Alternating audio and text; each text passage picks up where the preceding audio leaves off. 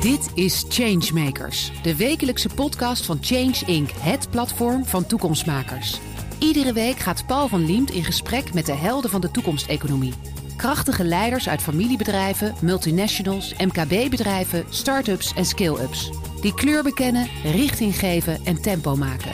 Vernieuwers voor wie verandering geen agendapunt is, maar een business case. Want morgen wordt vandaag bedacht.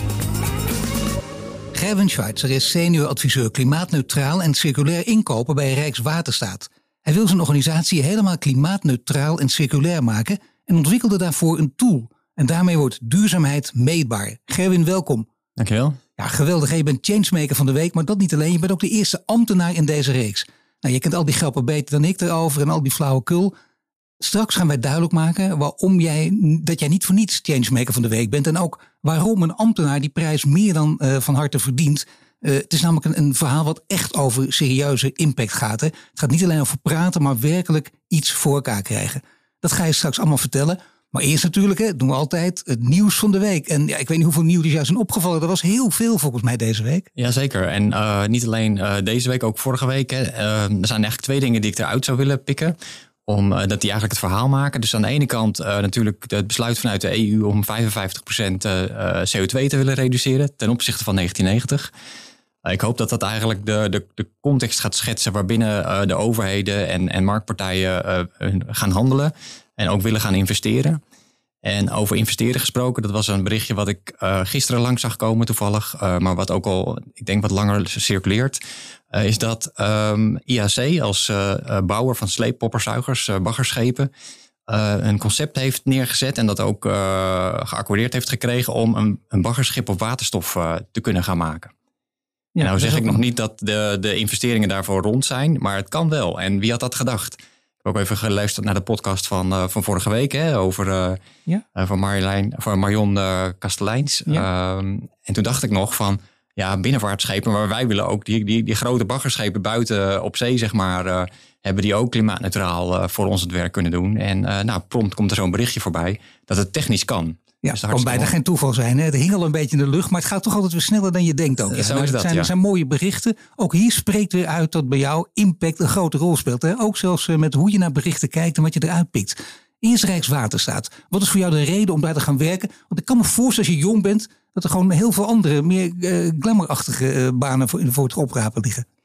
Nou, ik, uh, ik heb milieukunde gedaan en daar heb ik uh, daar kon je eigenlijk op allerlei richtingen uh, naar focussen. En op een gegeven moment dacht ik van ja, ik vind bouw heel erg interessant. En in die tijd had je duurzaam bouwen. Dus ik ging naar een, beurs over duurzaam bouwen. En daar kwam ik een stand tegen van, van en er stond iemand van Rijkswaterstaat. En daarvan dacht ik van, goh, nou, ik kan altijd mijn naam achterlaten en eens kijken wat er gebeurt. En toen werd ik uitgenodigd op gesprek. En toen bleek ook dat ze bij Rijkswaterstaat ook al flink bezig waren met duurzaam bouwen. En uh, het leek mij een uitgelezen kans om ook echt impact te kunnen maken. Duurzaamheid zat er toen al, bij, bij de jonge Gerwin Schweiter zat er al behoorlijk in dus. Zeker, ja, ja, ja. Dat is echt milieukunde, niet van dat je dacht, nou dat lijkt me wel een aardige studie of het was populair op dat moment, maar echt werkelijk om, om iets, om de wereld te verbeteren?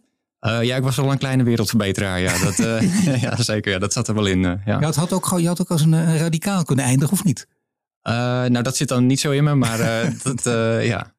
Even wel over je naam. Je zegt ik liet mijn naam achter. Dat bedoel jij gewoon in, in, de normale nee. zin. Niet eens overdrachtelijk, maar je deed dat letterlijk. Alleen, uh, ja, Schweitzer is natuurlijk een hele mooie naam. Je schrijft hem ook precies hetzelfde als Albert Schweitzer. Ja, dat klopt, ja. Familie? Ja. Uh, nou, misschien wel. He, dat, uh, ik heb tijd in Deventer gewoond. Er stond ook een standbeeld op de markt he, van, van Albert Schweitzer.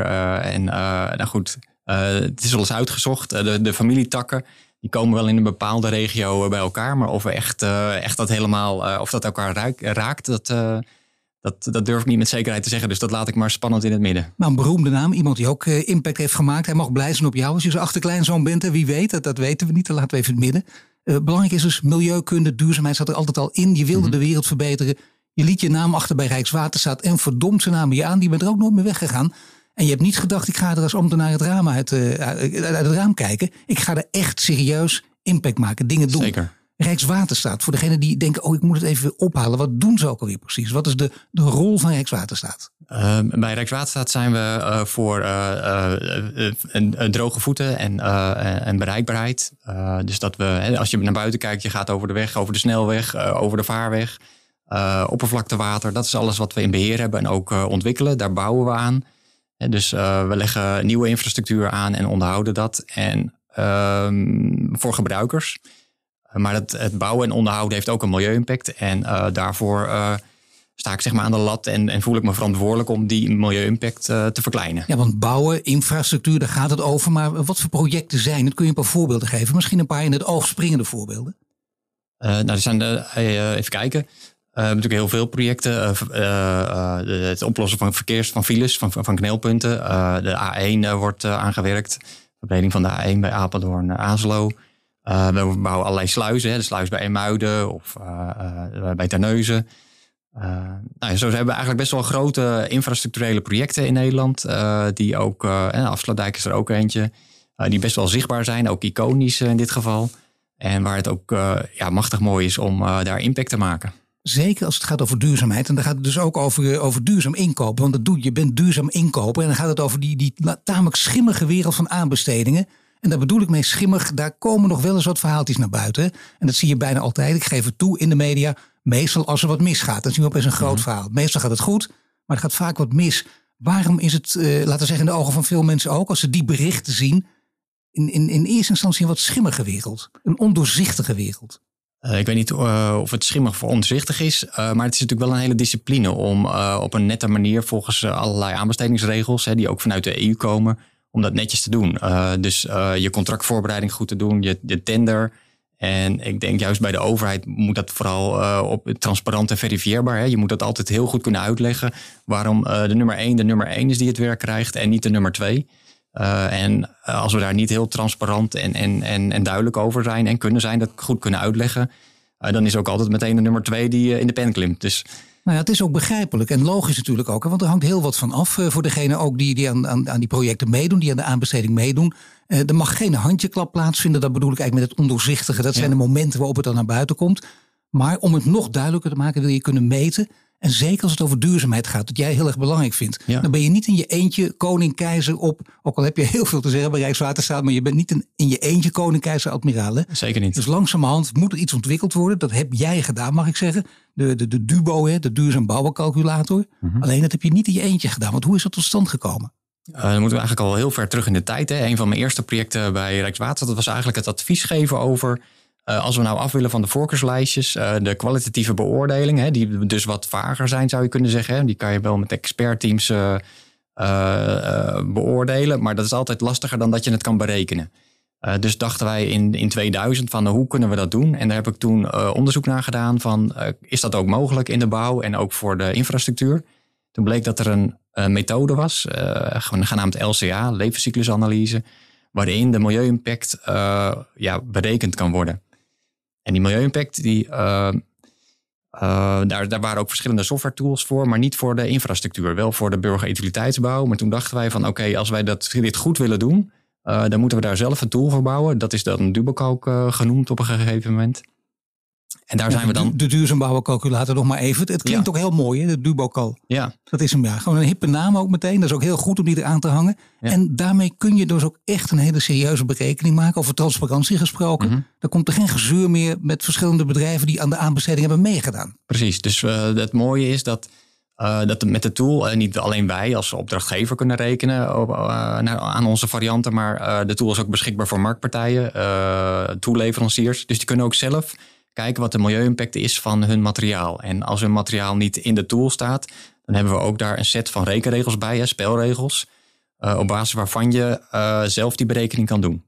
Ja, zoals je het zo vertelt, denk je, nou, dat is eigenlijk vrij simpel. Uh, ik laat even zo'n dingetje bouwen. Nou, een beetje gedoe met de software, dat weten we allemaal, maar daarna lukt het wel. Maar zo makkelijk is het niet, hè? want het is een enorm traject geweest. Je zegt niet voor niks dat je eigenlijk terug moet gaan naar 2005. Dus we zijn nu ruim 15 jaar later. Kun je zeggen waarom dat stapje voor stapje gaat en niet sneller kan? Uh, dat gaat stapje voor stapje uh, en niet sneller, omdat we in 2005 hadden we een hele andere uh, context. we hebben toen ook tegenwind gehad. Hè. Je kan het je nu bijna niet meer voorstellen, maar dat klimaat zo belangrijk is als nu, dat is niet altijd zo geweest. dus je moest dat ook klein, klein ontwikkelen. Uh, binnen de context van die tijd. Nee, maar dat is juist leuk om te vertellen, denk ik. Omdat jij dat wel al op je vizier had, op je netvlies had. Voor jou was het al belangrijk, je wist het al. In zekere zin liep je gewoon een paar stappen vooruit. Ja. En als je kijkt, hoe, hoe was het dan? Wat voor gevecht moest je toen nog leveren en nu niet meer? nou, in, in die tijd, en je kwam bij projecten, dan was het altijd ja, duurzaam, maar waar staat dat het moet? En ik denk dat veel mensen dat wel herkennen, ook in projectteams. Hè, van ja, je doet alleen de dingen waar je een opdracht voor hebt. En ondertussen, als je zegt, hoe doe jij iets aan duurzaamheid? Dan is het niet zozeer, uh, ja, waar staat dat het moet? Maar nee, uh, ja, dat wil ik wel, maar help me dan uh, om dat voor elkaar te krijgen. Dus daarin is eigenlijk afgelopen nou ja, tien jaar ontzettend veel veranderd. dus niemand stelt het meer ter discussie, maar iedereen wil wel. Alleen zit nu de kunst erin om de kennis die we hebben opgebouwd bij al die projectteams te krijgen, zodat ze dat ook netjes kunnen doen. Ja, dat is inderdaad voor jou eigenlijk heel prettig. Hè? Dat het langzamerhand, ik zou bijna zeggen, meer in jouw richting gegaan is. Uh, juist als je het al eerder in de gaten hebt. Uh, misschien een, een wijze les voor anderen die daar ook mee te maken hebben. Die ook wel eens voorlopen op bepaalde terreinen. Hoe zorg je dat je niet dan, ja, je kunt dan ook de, de strenge professor bijna gaan uithangen. Van ik weet het beter en, en bozig worden. Ook gefrustreerd dat anderen het niet zien. Hoe blijf je dan toch voor jezelf mentaal ook op koers? Nou, dat, er, zijn, er zijn wel uitspraken over innovatie. Dat een goede innovatie, die van, van, van, van begin tot eind, dat duurt tien jaar. Als vuistregel. Dus dat had ik altijd wel een beetje in mijn hoofd zitten. Van als je ergens iets voor elkaar wil krijgen, dan moet je ook wel geduld hebben. Hè? Dat gaat niet van de een op de andere dag. Dat heeft me ook wel gesterkt in, in het feit dat ik nog steeds eigenlijk bij Rijkswaterstaat werk. Hè? Dat sommige dingen die, die, die doe je niet in vijf jaar en dan begin je weer aan iets nieuws. Hè? Dat zal niet voor alles gelden, maar voor dit was dat eigenlijk wel. Uh, dus, dus nou ja, tien jaar, uh, daar had ik ook andere collega's uh, die, die op hele andere vlakken eigenlijk bezig waren met innovatie. Maar ik dacht wel van je moet eigenlijk bouwen aan zo'n aan zo'n proces. En, dat haalt wel veel frustratie weg inderdaad. Dat je weet, het, ga, het gaat niet vanzelf. Het gaat tenminste tien jaar duren. Dus het mag, ik mag even de tijd hebben. Ik kan even verkeerd gaan, maar let maar op. Ik krijg wel gelijk aan het eind van de rit. Ja. Ja, precies. Ja, ja nee, dat Is, nee, ik snap dat begint te lachen, want dat is wel een, dat is zo mooi meegenomen. Kom, misschien sluit het wel aan bij een vraag die we die uh, onze community uh, heeft gesteld. Hè? Want onze community kon stemmen op een vraag die ze graag willen horen in de podcast. Dat is deze mhm. geworden.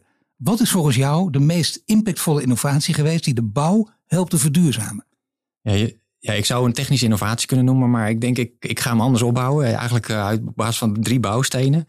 Ik ben uh, 2000, zo rond 2000 eigenlijk begonnen met die ontwikkeling om een tool te bouwen waarin je duurzaamheid meetbaar kan maken. Um, en we hebben heel veel beleid gehad op duurzaam inkopen. En daar ging het eigenlijk, inkopen was eigenlijk het middel. En uh, sinds uh, eind 2019 hebben we als ministerie een, een strategie gericht op klimaatneutrale en circulaire infrastructuur. En die geeft eigenlijk het hogere doel. Het is de stip op de horizon in 2030 klimaatneutraal. En die tool die hebben we eigenlijk die, hebben we ook in die strategie geplaatst. Dus duurzaam inkopen is geen middel meer, maar een doel of een, is nu geen middel op zich meer, maar een middel om dat doel voor 2030 te bereiken. En op die manier ook een prikkel in de markt te leggen om steeds verder te verbeteren. dus dat doen we met gunningvoordeel.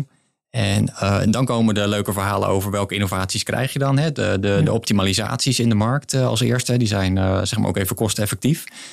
Uh, maar we, ja, we zien dus ook dat als voorbeeld bij wegverharding, als we dat gunningvoordeel geven, dat partijen echt op zoek gaan en de aannemers samen met de eigenaren van de asfaltcentrales. Van hoe kan ik dat, dat, dat, dat mengsel, die, die productie verduurzamen, zodat ik beter score en meer kans maak op de opdracht. Ja, maar dat is wel heel belangrijk. En ze weten dat ze daar die opdracht kunnen krijgen. Er wordt dus niet meer cynisch of gniffelend over gedaan. Het is ook met zo'n, je kunt het keihard uitrekenen natuurlijk. Het een goed rekenmodel. Met op dit moment neem ik aan de up-to-date software erbij, of niet? Zeker, ja. ja nee, dat is ja. Nou, toch En dat is niet alleen de software, het zijn ook de, de rekenregels hè, en de, de, de database die je op orde moet hebben, waar je op moet investeren uh, samen eigenlijk. Hè. Dus uh, dat doen we binnen Rijkswaterstaat uh, niet alleen. Dat hebben we ook ondergebracht bij een stichting, ook al behoorlijk een tijd geleden.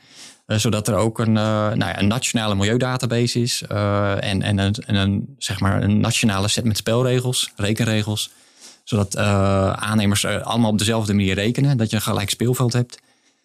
En ze doen allemaal mee. Ze weten wat het betekent. Ze weten ook dat ze daardoor zelf een grotere kans op de opdracht maken. Dat is natuurlijk het allerbelangrijkste. Maar iedereen, althans iedereen, een heel groot deel van de mensen is hier nu mee bezig. Dat betekent dat jouw impact, jullie impact, enorm is. Alleen, ik begrijp wel, je tool wordt inmiddels in ruim een derde van de aanbestedingen van Rijkswaterstaat gebruikt. Hè? En eh, dat betekent dus dat ja, daar is ook nog een wereld te winnen, of niet? Klopt. Uh, maar verkijk je niet alleen op de cijfers van het aantal projecten. We hebben grote en kleine projecten. En ja. uh, in feite denk ik dat we een veel groter deel van onze omzet, zeg maar, al met die tool in de markt zetten.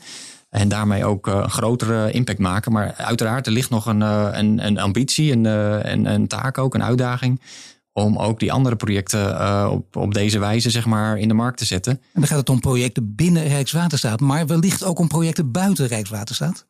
Uh, waar we, uh, we hebben in 2010 eigenlijk een samenwerking gezocht met uh, andere partijen in de, in de infrasector. Hè, dus andere overheden, marktpartijen, dus aannemers, ingenieursbureaus. waarmee we een, een, destijds een Green Deal hebben afgesloten. Hè, van wij willen samenwerken om de infrasector te verduurzamen. En daarvoor hebben we toen ook eigenlijk gezegd dat we met vier instrumenten zouden werken. Waaronder dus uh, Dubocalc, CO2-prestatieladder. Om dus te werken aan een gemeenschappelijke taal. Als je samen dezelfde taal hebt uh, en niet iedere overheid, zeg maar, andere, iedere opdrachtgever weer zijn eigen instrumentje, zijn eigen taal waarmee die communiceert met de marktpartijen. Uh, dan worden de transactiekosten zeg maar lager en word je ook beter, steeds beter in, in die manier van werken. Ja, ook een belangrijk. Wordt vaak echt onderschat, denk ik, ook dezelfde taal gebruiken. Hè? Want dan, dan, je zit met elkaar aan tafel en mensen zeggen ja, ja, maar de ander denkt, waar heeft hij het over? Of, of denkt inderdaad het te begrijpen, maar heeft het over iets totaal anders dan ben je wel eens tegen aangelopen, denk ik, of niet? Zeker. Uh, even kijken, ik heb niet meteen een voorbeeld, hè, maar wij, wij zitten in de, in de context uh, waar ik werk binnen Rijkswaterstaat van uh, werken in projectteams, uh, aanbestedingen. En Rijkswaterstaat is groot. We hebben onze opdrachtgever is het ministerie. Dus we krijgen opdrachten van, vanuit beleid. en dan is het de kunst om aan beleid duidelijk te maken wat je nodig hebt om in, die, in die projecten duurzamer te gaan werken. En dan moet je dus ook uh, elkaar leren verstaan uh, van wat bedoel je met duurzaamheid. En uh, hoe druk je dat uit? en, en ja, goed. Wat, als je dezelfde taal hebt, dat helpt. Hè? Dan, gaat, dan gaat de vergadering ook sneller. moet ik me echt letterlijk voorstellen dat het vroeger wel eens weken duurde voor je eindelijk elkaar begreep. En, en dat het nu echt binnen een dag gepiept is. Nou, het helpt wel dat iedereen weet ondertussen, of iedereen, hè, maar wat MKI is. Hè, dat is de, de, de eenheid milieukostenindicator binnen de, de software. Uh, en daar heeft iedereen ook een bepaald beeld bij. En uh, als je het hebt over duurzaamheid, dan is dat vaak een containerbegrip. En dat kunnen nog tien verschillende dingen betekenen. En als je het hebt over MKI, dan is het in feite voor uh, nou ja, aannemers, toeleveranciers, opdrachtgevers steeds duidelijker van wat je daarvan kan verwachten. Oké, en dat is allemaal nog steeds hè, binnen Rijkswaterstaat, maar daarbuiten dus ook andere. Ik heb ook partijen als uh, ProRail bijvoorbeeld, uh, bijvoorbeeld de provincies, uh, tal van waterschappen. Die gebruiken de tool ook. Die denken ook op deze manier, ook in dezelfde taal. Ja, ja dus ProRail zeker ook een grote uh, voorvechter zou je kunnen zeggen. die dat ook bij steeds meer projecten toepassen. en bij provincies, waterschappen zie je dat het nog ja, groeit. Hè? Dus dat, daar, dat ondersteunen we ook. Hè? Dat we door, door kennisdeling eigenlijk ook andere partijen in staat stellen om ook op deze wijze eigenlijk aan te besteden. Maar ik begrijp dat het vooral bij de waterschap, het gaat nog niet vanzelf. Wat, wat voor zetjes moeten daar nog gegeven worden? Uh, wat belangrijk is, en heb ik ook gemerkt binnen Rijkswaterstaat, is dat je een opdracht hebt om iets te doen. Uh, en um, we hebben dus sinds 2019, zou je kunnen zeggen, een, uh, een, een, een, een, politieke opdracht om toe te werken naar klimaatneutraal en circulair. En dat zet heel veel in beweging. en, en dat maakt ook dat projectteams op een gegeven moment ook die opdracht in hun scope krijgen en in beweging komen. En ik denk dat het ook heel belangrijk is dat uh, die opdracht ook uh, binnen de andere overheden ontstaat. En dat uh, is uiteraard ook zo. Hè, maar dat je van daaruit die versnelling kan bewerkstelligen. Maar er is nogal wat aan de hand. Hè? De aanbestedingsregels, weer barstige praktijk. Vaak ging het dan naar de laagste prijs. Nu gaat het echt over dat MKI. Je kunt het berekenen. Wat is echt de impact, de duurzame impact? Dat betekent dus als je kijkt naar want dat is de mooi geformuleerde visie. De ambitie om in 2030 volledig klimaatneutraal en circulair te werken. Die wordt hier dus, die krijgt hier gestalte ook letterlijk in de praktijk gestalte. Dat is wel een heel groot verschil. Er is er nog een verschil, en ik weet dat dit een lastige vraag voor je wordt, maar tussen de verschillende ministers waar je mee te maken hebt? Of zijn ze hier allemaal onmiddellijk eh, mee eens? Nou, zeg maar eerlijk. Zeg maar eerlijk. Uh, nou, ik laat me vaak verrassen eigenlijk. Uh, uh, in positieve zin. dat ehm, de, het draagvlak om op deze manier te werken altijd nou, eigenlijk steeds groter wordt. En dus een van de voorbeelden is dat er laatste motie was vorig jaar in de Kamer. Waarbij eigenlijk uh, een ruime meerderheid van de Kamer Rijkswaterstaat vroeg om te onderzoeken of MKI zwaarder kon meewegen in de gunning. Zo. En uh, nou, dat weet je dan niet hoe het gelopen is. Maar het is blijkbaar wel een ding wat ook bij Kamerleden, zeg maar, en dus bij bewindspersonen herkend wordt. van ook die taal, zeg maar, hè, die, die, die reikt nou best ver, verder dan, je dan, dan ik eigenlijk verwacht had. Ja, en ik denk de machtige arm in dit geval van ambtenaren is toch ook veel groter en sterker dan van een minister die met alle respect maar toch een voorbijganger is. Ja, maar ze, Oké, uh, maar uh, uiteindelijk zit er ook continuïteit in beleid en in, in de koers. Uh, hebben zijn, we hebben natuurlijk, en dat, dat is niet vanuit de, de ambtelijk apparaat, maar worden er politieke besluiten genomen. En daar richt je op. Die geven ook draagvlak aan de, aan de stapjes die je zet. Nu kun je technisch je doel halen, dat is duidelijk. Dat, dat heb je meerdere keren in dit gesprek ook onderstreept. Uiteindelijk wil je ook dat verschrikkelijke woord draagvlak, maar we weten allemaal wat ermee bedoeld wordt, dat mensen het ook echt willen. En liefst niet alleen maar omdat het moet, of hè, zoals je in het begin tegenkwam, maar omdat ze ook zien dat er werkelijk iets gebeurt en dat je bijdraagt aan die doelen van 2030. Is dat idee, zeg maar, wat bij jou al eerder was ingedaald, ook bij anderen ingedaald? Of gaat het uiteindelijk toch nog om, dit zijn de regels, het maakt me niet uit en we passen ons gewoon praktisch aan? Uh, nee, ik denk uh, dat ehm, eigenlijk, het maakt eigenlijk niet uit wie je vraagt. Of het nou bij Rijkswaterstaat is of bij marktpartijen. Iedereen ziet wel in dat, je, dat we iets moeten doen aan de manier waarop we nu bouwen. En, en dat we dus iets moeten doen om klimaatverandering tegen te gaan. Dat is eigenlijk buiten kijf. het is er alleen... zijn geen discussies meer over. Want nou ja, je hebt meestal ook hier nog tegenstanders. En, en we weten dat tegenmacht ook belangrijk blijft. Maar mm hier speelt dat niet. Nou, dat durf ik niet te zeggen. maar... nou ja, in jouw eigen praktijk merk ja. je het natuurlijk. Ja, uh, nee, eigenlijk uh, merk ik dat niet. Uh, het is vooral de vraag: zijn de condities op orde om ook die stap te kunnen maken? En van eigenlijk, het bedrijfsleven zegt eigenlijk al, al, al, al, jaren dat ze duurzamer willen. Hè. Die hebben ook ons eigenlijk ook wel aangespoord hè, om, om de stappen te zetten. het is wel mooi dat je dit even uitlicht. Dat, dat het inderdaad de versnelling komt dus door het bedrijfsleven. Dat speelt zeker mee. Als er, uh, als er draagvlak is in de, in de sector, zeg maar, dan, dan helpt dat uh, om het, uh, die versnelling te maken. Je ziet het ook aan groene beleggingen bijvoorbeeld, hè, waar ook lacherig over gedaan werd. Dat wordt nu alle wegen omarmd natuurlijk. Hè. Dus het bedrijfsleven gaat er volledig in mee. En, en ziet dat, dat ook dat duurzaamheid en, en rendement ook samengaan. Ja, dat is wel een, een aardig berichtje ook, wat ik ook tegenkwam. Ja. over de, de, de, de lijst voor, die de EU wil opstellen om, voor groene investeringen. Ja. En toen dacht ik, nou, dat is interessant. Hè? Wij willen uh, eigenlijk op, op, op, eh, via transitiepaden, uh, hè, waar onze, die gemaakt worden door onze footprint. Dus er zijn een aantal dingen die daar belangrijk in zijn. wegverharding, kunstwerken, bouwplaats en bouwlogistiek. en kustlijn, en Dat zijn eigenlijk de vier inhoudelijke thema's waarop we willen verduurzamen. Maar dan moeten dus ook investeringen worden gedaan. Als je het hebt over de kustlijn, zorg en vageronderhoud. dan willen we dus schoon baggeren. Uh, schoon de, de, vaargeul, uh, de vaargeulen onderhouden en de, de kustsuppleties doen. Uh, maar er, er moet wel op geïnvesteerd worden in schepen die zo'n 30 jaar meegaan. En dat is best wel kapitaalintensief. Dus als dan dit soort investeringen of kapitaalgoederen op zo'n lijstje staan, dan wordt het ook makkelijker voor bedrijven en, en de aandeelhouders om te zeggen: oké, het is goed als dit bedrijf zo'n zeg maar, zo'n waterstofschip eh, gaat aanschaffen, gaat investeren. Dat is echt heel interessant, want juist in deze tijd hoor je toch heel veel bedrijven, hoor je ook overheden roepen, ja wacht even, hele goede ideeën geven. Want jij zegt, eh, je weet dat we je fantastisch vinden, geweldige ideeën. Alleen het is nu coronatijd en andere dingen hebben eh, voor, voor, voorrang. En die zijn belangrijker nu. Dan krijg je dat beroemde zinnetje nu even niet. Maar dat speelt hier dus geen rol. Um, nou, wat ik hoop, zoals het gaat werken, is dat de EU de, de, de condities creëert uh, met uh, ruimte voor investeringen. Uh, zodat het uh, ook mogelijk wordt om, voor bedrijven om te investeren. Als je nu een schip laat bouwen, dan doe je dat niet voor de komende zes jaar, maar dat doe je voor uh, de komende dertig jaar. En nu is zeg maar even groene waterstof als voorbeeld nog hartstikke duur, schaars. maar na 2030 wordt dat een ander verhaal. En als een schip lang meegaat, ja, waar baseer je dan je investeringen op? Nou, ik hoop dat dat wordt gedaan in het licht van de beschikbaarheid van en de, de eisen die we straks gaan stellen. Hè. We, we, willen, we hebben allemaal met elkaar gezegd we willen klimaatneutraal worden. Dat hebben we ook vastgelegd. Uh, nou ja, dus dan, uh, dan, dan, moet je ook daar de gelegenheid hebben om te investeren. En de investering is ook stevig, maar daar haal je ook eh, je rendement op. En het, het is alleen ver vooruitkijken. En dat vinden mensen toch heel lastig, blijkt altijd weer. Maar hier kun je ook bijna weer de rekensom voorleggen, of niet?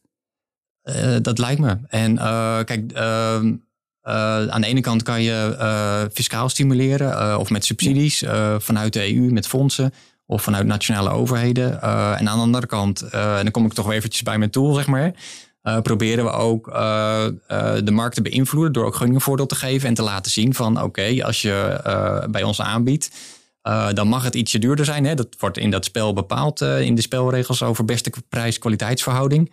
Het mag ietsje duurder zijn, maar dan moet het wel een stuk schoner zijn toch is het wel heel mooi hè, dat, je, dat je, laten we zeggen, toch een, een van de geestelijke vaders bent van die duurzaam bouwen calculator. Ik bedoel, dat is, dat is iets behoorlijk groots wat je dan in je leven bereikt, bereikt hebt. Maar je bent ook gewend aan de lange adem gelukkig.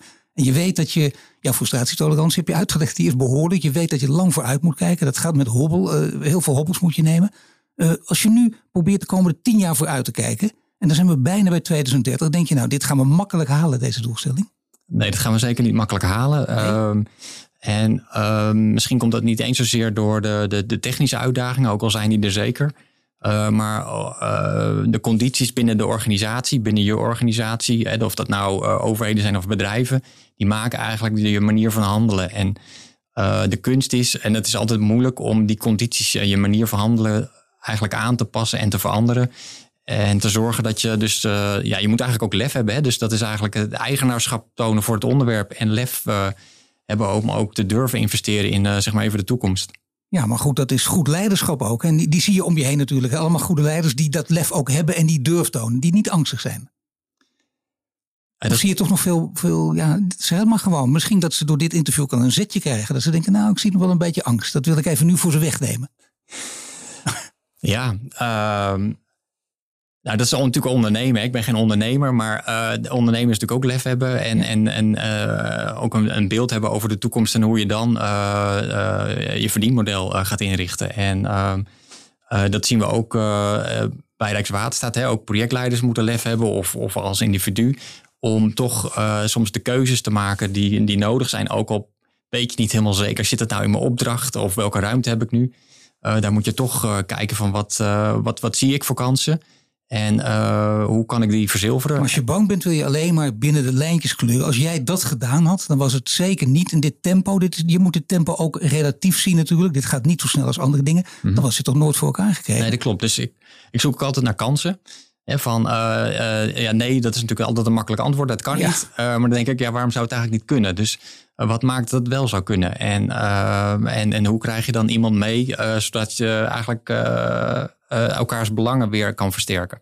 Nou weet ik dat er bij Rijkswaterstaat, jij werkt daar, er werken meer goede mensen. Maar zoals iedereen, je wil de beste mensen aantrekken, ook de beste jonge mensen. Misschien zijn er mensen die denken, nou Rijkswaterstaat, ik vind het nog steeds stoffig, ik begrijp het niet. Als ze dit verhaal horen, kunnen ze daar volledig anders over denken. Dat lijkt me eigenlijk wel. Is het niet belangrijk om dit verhaal nog veel meer van de daken te schreeuwen? Juist in, in, een poging ook de beste mensen naar je toe te trekken? Uh, dat is een leuke. Uh, nou, ons team wordt ook steeds groter en we zien ook dat er heel veel eh, trainees eigenlijk bij Rijkswaterstaat uh, willen werken en uh, duurzaamheid ook belangrijk vinden. Ik denk dat dat uh, op meerdere, bij eigenlijk iedere organisatie ondertussen wel zo is. Hè, dat jonge mensen veel, misschien wel veel beter dan wij even hier hè, voelen wat klimaatverandering Wij zijn ook vrij jong, Gerwin, kom op. ja, zeker. Ja, Ja. Maar wat, wat het kan doen als zij zo over 50 jaar, dan, dan zit je toch echt wel lekker warm, zeg maar. Dat, ja.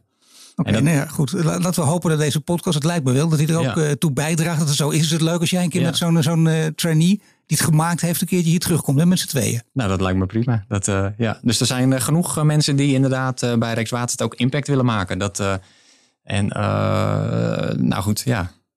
Oké, okay, ik dank je voor dit gesprek. Gerwin Schweitzer, je luistert naar een podcast van Change Inc. En die is mede mogelijk gemaakt door onze partner Ebbingen. Tot volgende week. Bedankt voor het luisteren naar de Changemakers podcast. Een productie van Change Inc. gepresenteerd door Paul van Liemt. Wil je dat meer mensen geïnspireerd worden? Deel de podcast dan op sociale media. De Changemakers podcast is tot stand gekomen in samenwerking met onze partner Ebbingen. Ebbingen kent, verbindt en ontwikkelt de leiders van de toekomst. Wil je meer afleveringen luisteren? Abonneer je dan nu via je Spotify, Apple Podcast of je favoriete podcast-app en krijg een melding wanneer er een nieuwe aflevering online staat.